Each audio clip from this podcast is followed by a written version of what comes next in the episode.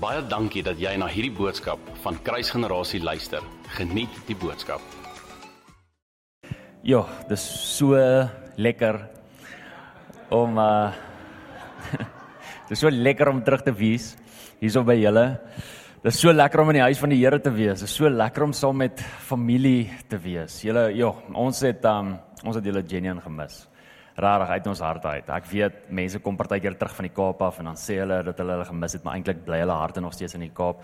Ons harte is glad nie in die Kaap nie. Ek beloof dit vir julle. Dis 'n amazing plek. Dis mooi. Die vis is ongelooflik lekker. Die scenery is amazing. Maar ons het ek sê agter vir die vir die um bidders. Ons het 'n hart wat brand vir hierdie dorp. Ek het 'n ek het 'n hart wat brand vir Middelburg want ek weet wat Jesus besig is om te doen in hierdie dorp en ek weet wat hy spreek oor Middelburg en uh, ek kan nie kan nie anders as om opgewonde te wees oor Middelburg nie. Al was ons in ongelooflike mooi plekke en mooi dorpe en uh nuwe plekke wat ons nog nooit gesien het nie. Dit is regtig so goed om terug te wees. Ek was eintlik so teleurgesteld geweest. Ons was in die in die uh Kaap daar by Hermanus se gedeelte was ons 'n bietjie Gansbaai toe. En um toe ons Gansbaai toe was, was ek so teleurgesteld oor die feit geweest dat julle daar's niks gaanse nie.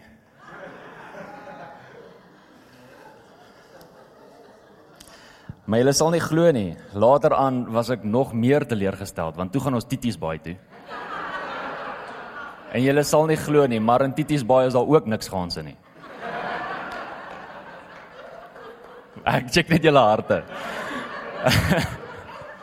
ek kyk net waar julle is. Uh ek moes julle vang met daai ene. Sorry julle. Skus, skus julle. Skus. Ons sal ons sal nou weer ernstig wees. Ag is lekker om te lag in die huis van die van die Here en uh dis regtig lekker om elkeen van julle te sien. Julle ons het ons het so goeie tyd gehad en ek kan regtig met eerlikheid vir elkeen van julle sê dat ons ontmoeting gehad het met die koning van die konings terwyl ons daar was. Ek het gesê as ek terugkom gaan ek nie meer emosioneel wees nie, maar as ek hier staan en sy teenwoordigheid slaan my hier. Ehm um, dit maak nie saak waar jy in die Kaap is nie en dit maak nie saak hoe groot ontmoeting jy gehad het nie. Die oomblik wanneer ek hier agter staan, tref sy teenwoordigheid my net soos geen ander plek nie. Uh so dis net lekker om bewus te wees van van wie hy is en wat hy doen. Um, in hierdie tyd wat ons weg was het Heilige Gees net weer sekere goeders kom confirm in ons harte. Uh goed wat ons dra, uh sekere keuses wat ons gemaak het en en sekere vrae wat ons gehad het in ons gemoedere, is ons is ons nog besig met die regte ding? Is ons nog besig met die regte approaches?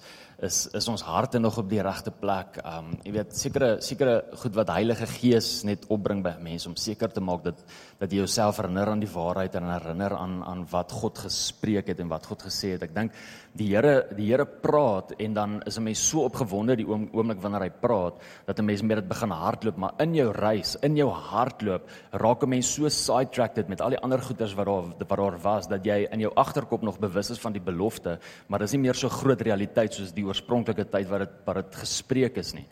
En ehm um, dis goed om net weer op 'n plek te wees waar jy jouself net weer kan oopmaak, jou gemoed kan oopmaak en en jouself weer kan align met die woord van die Here, met die beloftes van God en dit wat hy gespreek het.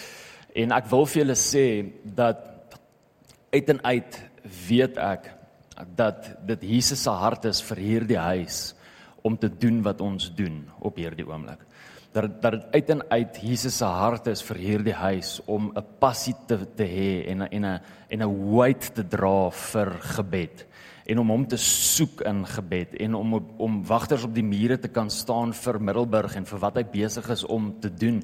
Nog nooit in die geskiedenis gaan kyk gaan kyk in die geskiedenis van die boek en gaan kyk in die geskiedenis van die laaste 2000 jaar.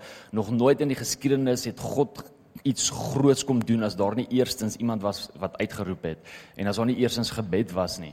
En ek weet met diep binne in my hart dat die oomblik wanneer ons op plek is waar ons uitroep in gebed vir al die goeders wat sy hart dra, dat dit hoor en dat dit letterlik besig is om die hemel te skuif en uh, daar gebeur goed in die gees wat ons nie eers van bewus is nie, maar God respond die oomblik wanneer gelowiges bid. En ons kan nie moeg raak om te bid nie ek ek vertrou so die Here diep binne my hart dat gebed binne in ons familie en binne in ons dorp net 'n groter momentum sal kry, 'n 'n 'n groter vuur sal dra, 'n dat dat dat die dat die dit wat gestook word, dat die kole wat ingegooi word letterlik 'n groter vlam sal opskiet. Juis as gevolg van die tyd waarin ons lewe. Ons kan nie naïef wees oor die tyd waarin ons waarin ons lewe nie. En ek het dit al so baie gesê, ek sal dit weer en weer en, en oor en oor sê want dit is 'n waarheid wat vas staan in die skrif dat die eindtyd kerk is 'n biddende kerk. Openbaring 22 vers 17 sê die Gees en die bruid roep uit kom Here Jesus kom. Voordat Jesus Christus gaan terugkom, gaan daar 'n kerk wees wat gaan opstaan wat deur die Heilige Gees wakker gemaak gaan word wat gaan uitroep Maranatha, wat gaan uitroep kom Here Jesus kom. Dis 'n biddende kerk. Jesus kom terug vir 'n biddende kerk. Elke een van ons wat vandag in hierdie plek sit, het 'n het 'n verhouding met die Here. Jou verhouding sal net so ver wees en so diep wees. Die openbaring wat jy dra van wie hy is sal net so ver wees soos die gebedstyd wat jy spandeer saam met hom. Soos die tyd in gebed wat jy het met hom. Elke een van ons is geroep om in verhouding met hom te staan. Dis onmoontlik om in verhouding te staan met iemand sonder dat daar kommunikasie is. Hy roep ons in so tyd in. Hy roep ons in gebed in. En ek is so bewus van van dit wat Jesus gesê het in die tuin van Getsemane toe hy besig was om te bid en hy vra sy disippels om saam te bid en hy kom terug en hy vang hulle slaap, het Jesus iets so groots en goeds gesê. Hy sê wat hy altyd doen. Maar hy, hy sê bid. En dan sê hy die gees is gewillig, maar die vlees is swak. Familie, een ding wat ons moet verstaan, die oomblik wanneer Jesus hierdie sê is, is jou gees wil altyd bid. Die gees is gewillig, Jou gees wil altyd bid. So as daar 'n lack of prayer is in ons lewens, dan beteken dit dat ons lewe volgens die vlees en nie volgens die gees nie. Want die vlees is swak. As ek nie tyd spandeer in gebed nie, dan is my vlees besig om te heers. As ek nie by Vader se voete uitkom nie, dan is my vlees besig om te heers. Dan is my vlees besig om in die pad te staan. Dan is my vlees besig om 'n groter sê te hê in my geestelike lewe as wat my gees 'n sê het in my geestelike lewe. In Romeine 8 sê vir ons dat the sons of God are those who who are led by the Spirit. For those who are led by the Spirit are the sons of God. Met ander woorde, die oomblik wanneer ons gelei word deur die Gees van God, dan het ons die reg om seuns seuns en dogters van God genoem te kan word. Maar as ons op 'n plek is waar ons volgens ons vlees lei, kan ons maar weet ons gaan vleeslike keuses maak. En ek weet nie van jou nie, ek het nog gesien in my 18, 19 jaar journey wat ek die Here dien, dat die oomblik wanneer ek 'n vleeslike keuse maak, ek later gaan spyt wees. Ek hoor so baie dat dat gelowiges vir my sê, ehm, um, ja, dis 'n dis 'n groot prys om te betaal om by gebed uit te kom. Kan ek net vir jou die volgende sê, dis glad nie 'n sacrifice om te bid nie.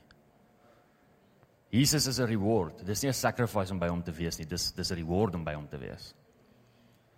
En ek wil ook vir jou sê dat dit nie 'n prys is wat jy betaal die oomblik wanneer jy in gebed ingaan nie. Jy be betaal 'n prys die oomblik wanneer jy nie by hom is nie. Jy moet daai realiteit weet. Dis 'n waarheid wat jy moet weet. Elke een van ons betaal 'n prys as ons nie by hom is nie. Jesus roep ons almal in gebed in. Hy roep ons almal om honger te wees vir sy teenwoordigheid. Hy roep ons almal om in verhouding te kan staan met hom. Om in gebed te wees. En ek bid vir ons family dat gebed iets sal wees wat sal opstaan binne in harte. Daar's 'n rede hoekom ons so baie gebedsessies het in ons kerk. Ek hoor terwyl ons weg was in die Kaap, hoor ek hoe Heilige Gees weer sekere goeders kom confirm rondom ons gebed en hy kom herinner my aan 'n visie wat ek gehad het in 2020 toe COVID net slaan, 2 weke, 3 weke in ons lockdown in. Het ek 'n visie gehad waar ek letterlik met my oë gesien het hoe daar skepe is op die see. En terwyl hierdie skepe op die see is, sien ek dat die Here massive storm oorkom en dat hierdie storm besig is om skepe te verwoes. En in dit hoor ek hoe Heilige Gees skree, span die seile. Terwyl die storm blaas, terwyl daar wind is van 300 km/h, hoor ek hoe skree Heilige Gees, span die seile. En ek sien hoe ons die seile span en ek sien hoe die wind, hierdie stormwind ons letterlik vat na waar die storm wil hê ons moet wees. Maar in dit sien ek ook dat daar ander skepe is wat nie bereid is om die seile te span nie want hulle skree uit en sê dis te gevaarlik ons mas gaan breek? Wat as ons sink? Die hartseer ding was vir die oomblik toe ons deur die storm aan die ander kant was, was waar die Here wou gehad het ons moes wees en ons terugkyk na die die skepe, die bote wat nie hulle seile gespan het nie, was dit hulle gewees wat gesink het en nie wat braaf genoeg was om die seile te span nie. En ek sal nooit vergeet terwyl Pastor Tersius hier so by ons was, kry hy 'n soortgelyke visie en ons hoor hoe Heilige Gees vir ons sê dat die seile wat ons span is letterlik waarheid is letterlik om waarheid te span. Is letterlik om waarheid op te lig en te sê nee, maar hierdie is die waarheid. COVID het gemaak dat kerke reg oor die wêreld toe was. Daar was nie een kerk wat oop was nie. Al die kerke was toegewees vir 'n vir 'n sekere tydjie.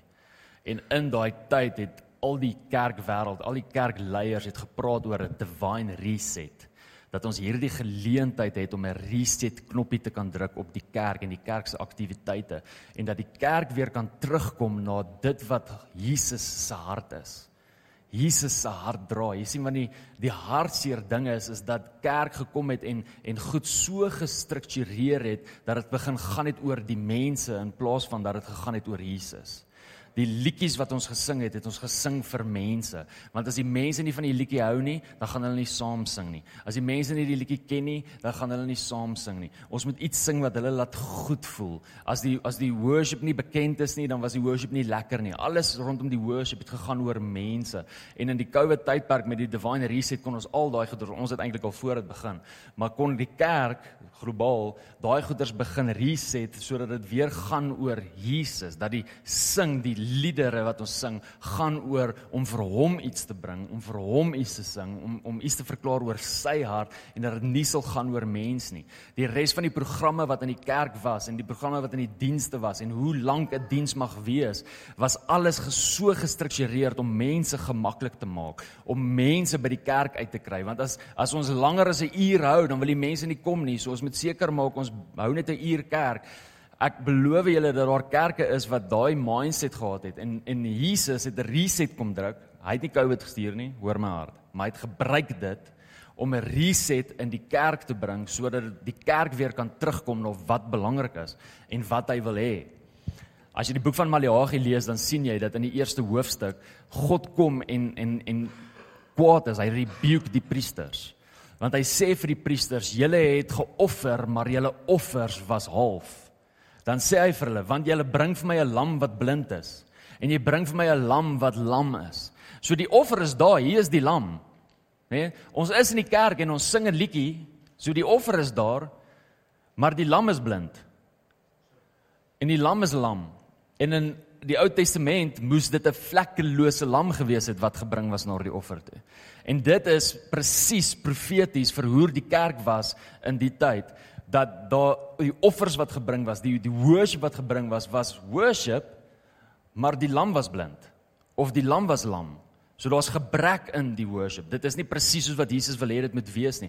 En COVID kon maak dat ons reset bring sodat dit ons dit regtig terugdraai na wat belangrik is.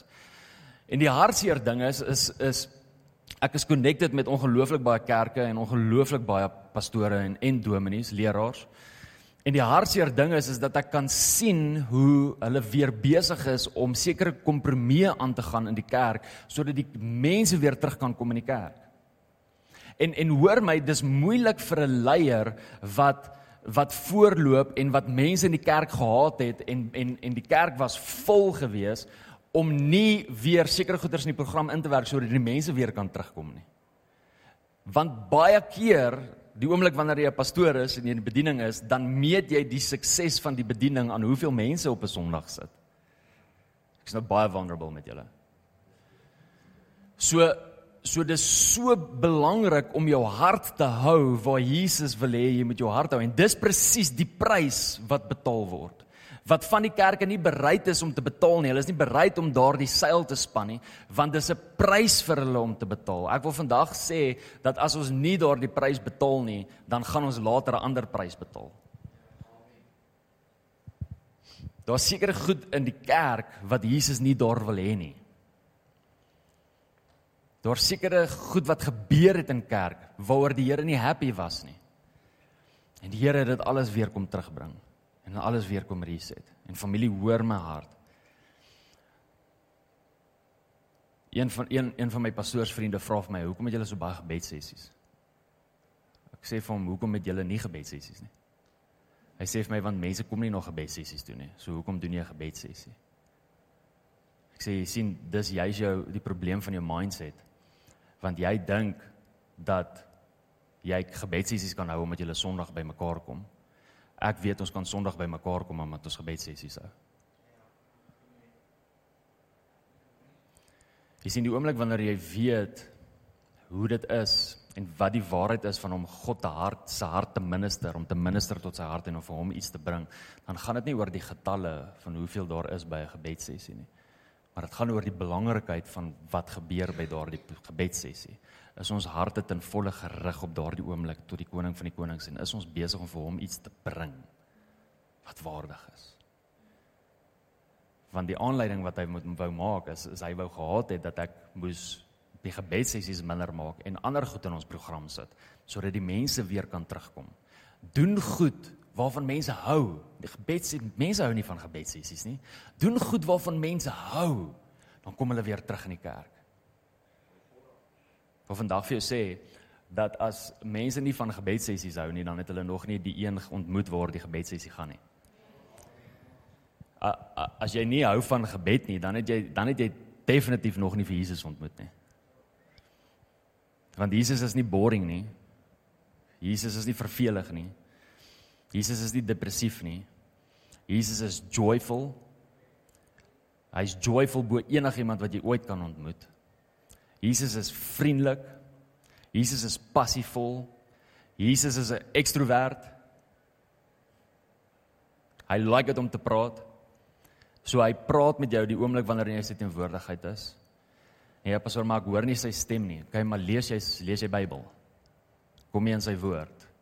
Want die woord is lewend en die woord is kragtig. In die oomblik wanneer kan ek net vir jou ietsie leer. Ek wil net net in simplicity, né? Nee, ek het nog nie begin preek nie so by the way. Net in simplicity wil ek net die volgende vir jou sê. Dat die oomblik wanneer jy die woord van God oopmaak en jy kom ons sê jy lees 'n hoofstuk En in hierdie hoofstuk lees jy iets en en en jy dink by jouself, "Sjoe. Ja, ek ek dink ek het dit daar gemis. Ek dink ek gaan so 'n bietjie van 'n aanpassing moet maak daar." Op daardie oomblik het God met jou gepraat. Want jou vlees wil nie verander nie, glo my. Dis nie jou vlees nie. Op daardie oomblik het God met jou gepraat. Dis hoe sim dis hoe simplistiek dit is om sy stem te hoor hier in die woord. As jy nie sy stem hier gaan hoor nie, dan gaan jy baie hart sukkel om sy stem in gebed te hoor. OK, nou gaan ek begin preek. Wel, wel vanoggend gesels, ek kan nou nie eers my tema onthou nie, ek het dit deurgestuur vir hulle. Maar dit gaan oor 'n 'n onbenullige woord. Dis die sien gedagte, woord wat ander mense sal afskiet. OK. Wil jy saam met my blaai na Johannes 21 toe?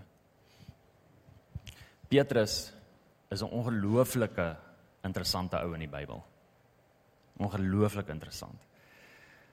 Hy's 'n ongelooflike interessante disipel.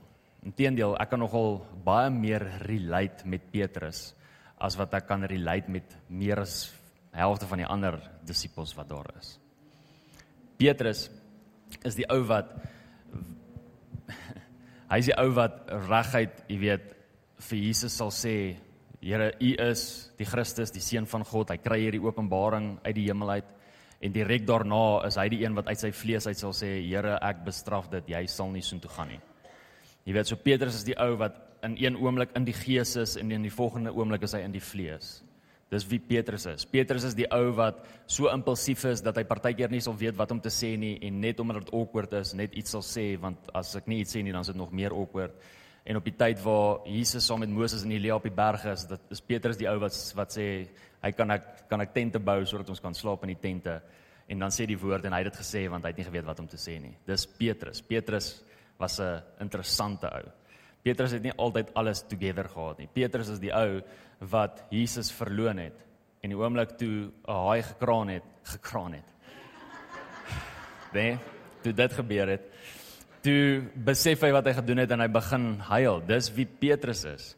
Petrus is die ou wat gesê het: "Here, ek sal jou nooit verlaat nie, maak nie saak waartoe jy gaan nie, ek sal altyd daar wees. En toe Jesus aan die kruis hang toe Petrus, toe's Petrus nie daar nie. Dis Petrus, dis die lewe van Petrus. En Petrus, ehm um, die Here Jesus kom herstel Petrus in Johannes 21. Kom herstel hy sy sy posisie, sy mindset. Kom gee hy vir hom genade.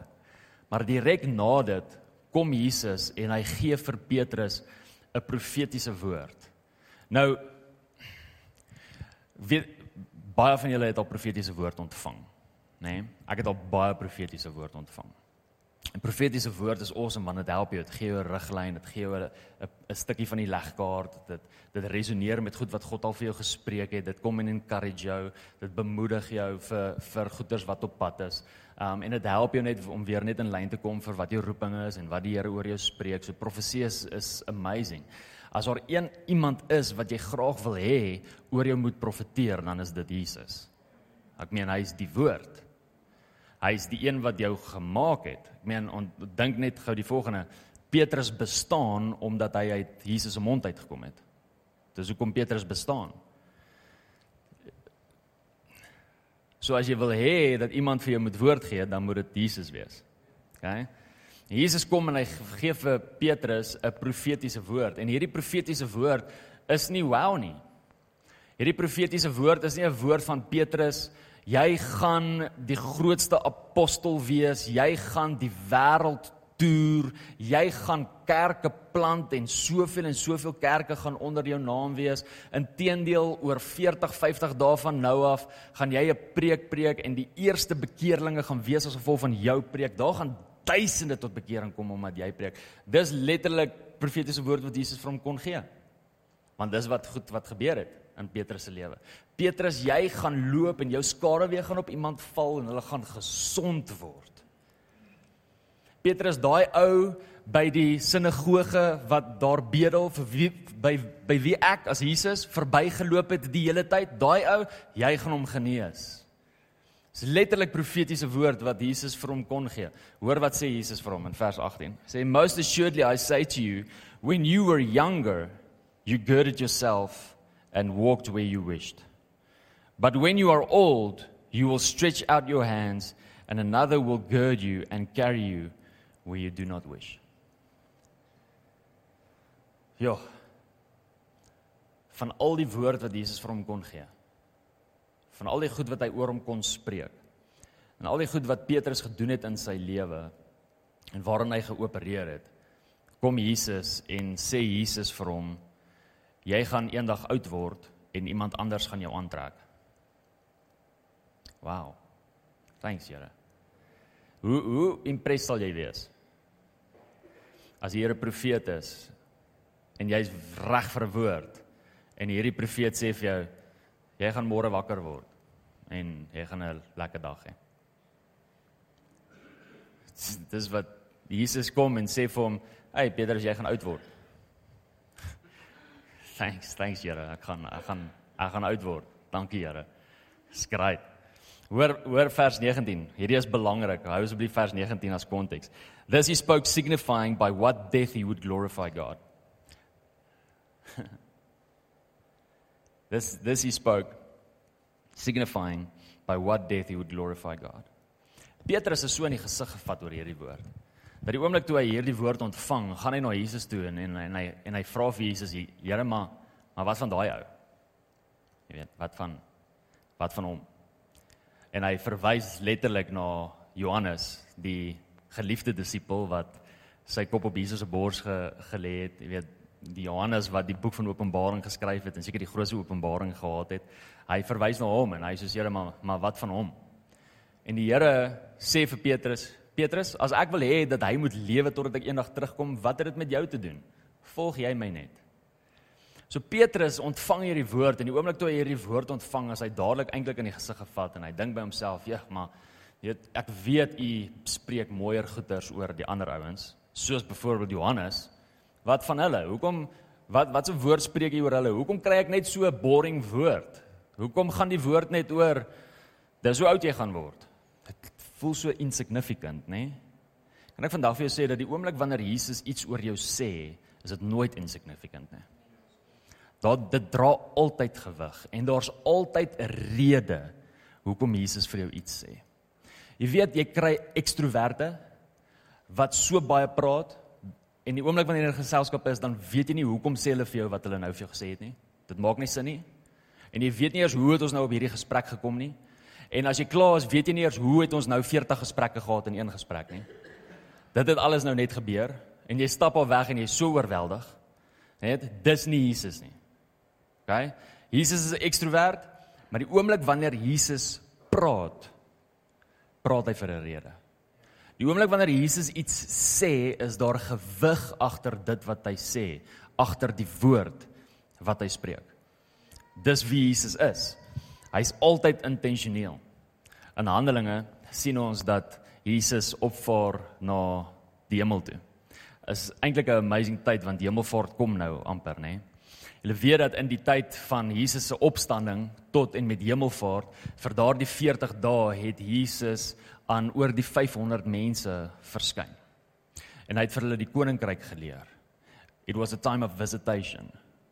Ek bid in hierdie tyd ook, ek het nou ja vir die onderwysers ook gesê by Laerskool Middelburg, maar ek bid in hierdie tyd dat hierdie that this would be a time of visitation for for every one of you dat elke een in die plek letterlik bewus sal wees van God het my kom besoek in die tyd. Okay. Maar anyway, hulle sien hoe gaan hy op en Petrus en al die ander disippels staan daar dumbstruck wat vir wat hulle nou net gesien het, hulle het nog nooit gesien dat iemand kan vlieg nie. Ek meen so obviously gaan hulle in awe staan. En die engel sê vir hulle presies wat hulle moet gaan doen en hulle gaan toe Jerusalem toe en hulle gaan wag daar. En terwyl hulle daar wag in Jerusalem, sê die skrif vir ons dat hulle besig is om te bid.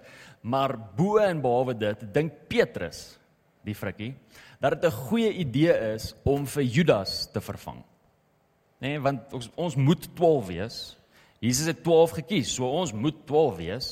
So okay, ons moet nou vir Judas vervang. Judas is nou dood, hy het homself gehang, sy ek ek het amper iets gesê. Um ons moet ons moet hom vervang. En hoor hierdie amazing plan waarmee Petrus na vore kom. Hy sê, "Oké, ons gaan loetjies trek." Nee, hierdie amazing apostel wat die Here nou net herstel het, nê? Nee, nie ons gaan ons gaan bid en ons gaan by Heilige Gees hoor wie wil hy hê moet die volgende apostel wees nie. Nee nee, ons gaan loetjies trek. En hulle trek loetjies en die loetjie val toe op Matthias.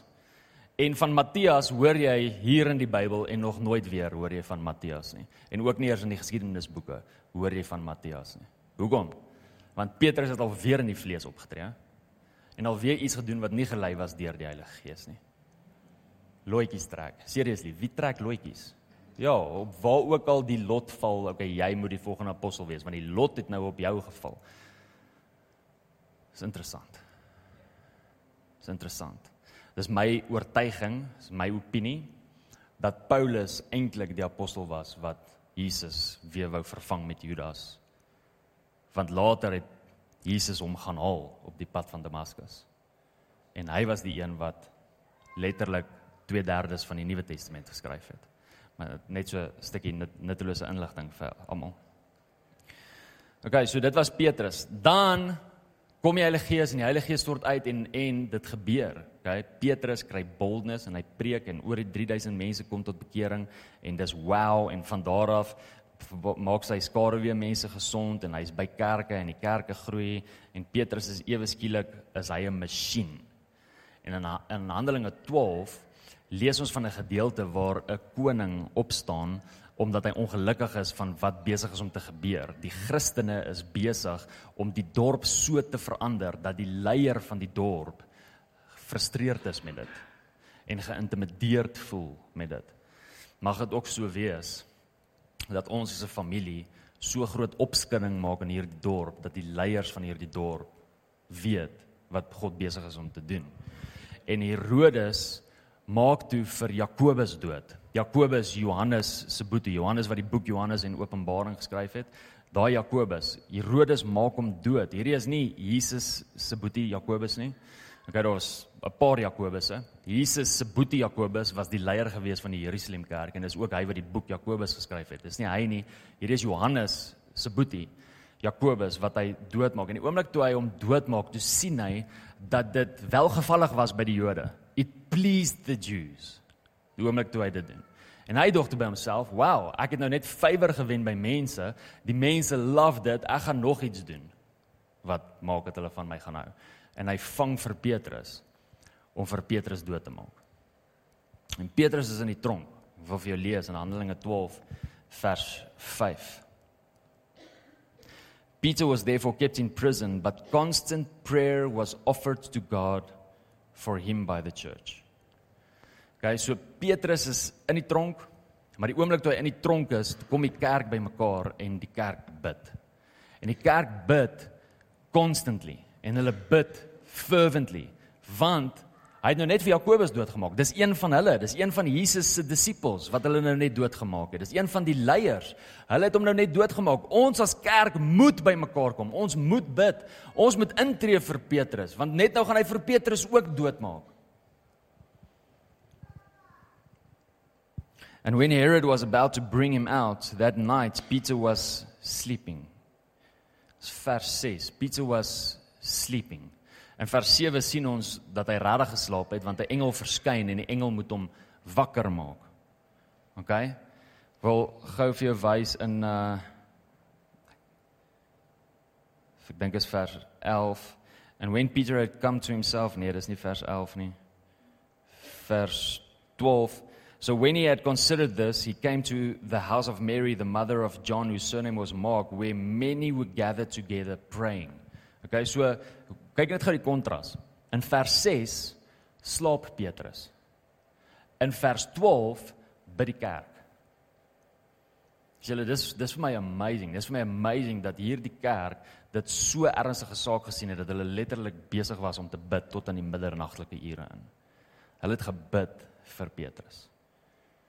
Maar Petrus slaap. Jakobus is nou net doodgemaak. Maar Petrus slaap. Dis die dag voordat Herodes vir Petrus gaan doodmaak. En Petrus slaap. Weet nie van jou nie, maar as ek weet dat ek môre doodgemaak gaan word en dat my kop afgekap gaan word voor mense, ek weet nie of ek gaan kan slaap nie. Ek sê eerlik, ek weet nie of ek gaan kan slaap nie. Ek dink ek sou saam met die kerk besig was om te bid dink ek sou saam met die kerk besig was om te stoei, om te om te wrestle in die gees, om om in te tree en te smeek vir genade by die Here sodat die Here my kan verlos en sodat ek nie kan doodgaan nie, maar Petrus is nie op daardie plek nie. Petrus slaap. Hoekom slaap Petrus? Hoekom het Petrus vrede? Want in Johannes 21 het Jesus vir hom 'n profesie gegee. En het Jesus vir hom gesê: Eendag as jy oud is, gaan iemand anders jou klere aantrek. Petrus slaap want hy weet hy's nog nie oud nie. Family partykeer spreek die Here 'n woord wat ons dink insignificant is. En ek het nou net vir jou gesê die oomblik wanneer Jesus spreek, is daar altyd gewig en altyd rede vir hoekom hy 'n ding sê. En terwyl Petrus in een van die moeilikste tye is van sy lewe, kon hy vrede gehad het en kon hy geslaap het. Hoekom? Want hy het homself herinner aan wat Jesus gesê het. En hy het Jesus geken. Hy het geweet Jesus jok nie. Hy het geweet as Jesus iets sê, dan gebeur dit. Hy het dit geweet. Hy het Jesus geken.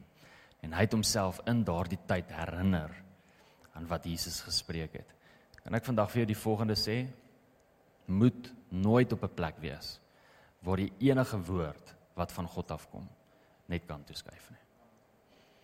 Nooit op 'n plek wees waar die enige woord, selfs hierdie woorde wat insignificant en klein voel, moet nooit daai woord net daar sit en vergeet van daardie woord nie. Daardie woord kan juis die woord wees wat jou hoop gee in jou moeilikste tyd. Daardie woord kan juis die woord wees wat jou dra in 'n tyd wanneer ander mense besig is om in angstigheid uit te roep vir jou en namens jou kan dit juis daardie woord wees wat vir jou rustigheid, kalmte en vrede bring.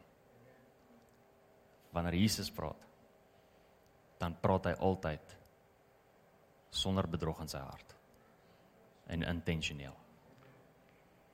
Kan ek vir bid? Here Ons is so dankbaar dat U nog steeds praat. En ek weet, Here, ek weet daar's daar's leerings en daar's mense wat sê dat U nie meer praat nie, U het klaar gepraat. Here, U het vanoggend met my gepraat. Ek is so dankbaar. Ek is so dankbaar dat U nog steeds praat. Dankie vir U woord. Dankie vir die hart. Here, dankie dat daar nie bedrog is in die hart nie. En dankie dat U nooit net iets sê sodat ek kan goed voel oor myself nie. U sê altyd iets intentioneel vir 'n rede. En ek bid, Heilige Gees, dat elke een van ons wat in hierdie plek is vandag en die wat hierna kyk, ek bid dat U as Gees van God oor ons sal blaas, oor ons beloftes sal blaas. Sal blaas oor dit wat U gespreek het en ek bid ook intentioneel in hierdie tyd, Here, vir daardie klein woorde. Daai klein woorde wat mense gedink het, ag ek gaan dit nie eers in 'n boek skryf nie, dit is so klein. Ek skryf die die groot goed neer, die goed wat ons gaan bereik, die goed wat ons gaan doen, die blessings wat gaan kom. Dit skryf ek in 'n boek, maar hierdie klein goed gaan ek nie neerskryf nie. Ek bid Heilige Gees dat daardie klein goed weer in herinnering kom in elke persoon se hart. Dit wat jy gespreek het, dit wat jy gesê het. Want dis juis daardie woord, Here, wat ons kan dra deur 'n moeilike tyd.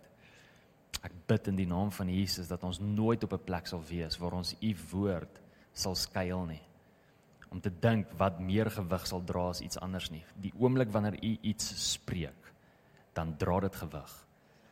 En dit wat u gespreek het oor elke een van ons, maak nie saak of ons dink dis klein of groot nie.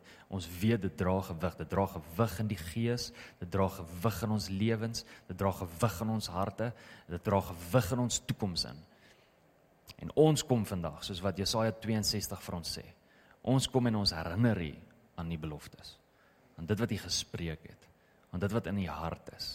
U spreek nooit iets as dit nie in die hart is nie. U spreek nooit iets as u dit nie wil doen nie. Niemand kan u dwing om iets te sê nie, Here. U spreek wanneer u wil spreek. U sê wat u wil sê. En ons herinner u vandag aan dit wat u gespreek het. Ons herinner onsself vandag aan dit wat u gespreek het. U is nog nie klaar nie. U is nog nie klaar met ons lewens nie. Ek wil ervaar sodat iemand dit moet hoor vandag in hierdie plek. God is nog nie klaar met jou lewe nie. God is nog nie klaar met jou nie. En ek bid Here dat daai woord sal vas staan binne in harte. Ons eer U en ons bid en verklaar Here, hier is ons. Ons wil doen wat in U hart is. Ons wil in U wil lewe. Ons wil totaal en al oorgegee wees aan U. En ons wil 'n verskil maak vir u koninkryk en vir u naam. Gebruik ons tot u heerlikheid. Catch us up in your story, Lord. Gebruik ons vir u storie. Bid dit in Jesus naam. Amen. Baie dankie dat jy na hierdie podcast geluister het. Indien jy die boodskap geniet het, deel hom asseblief met jou vriende.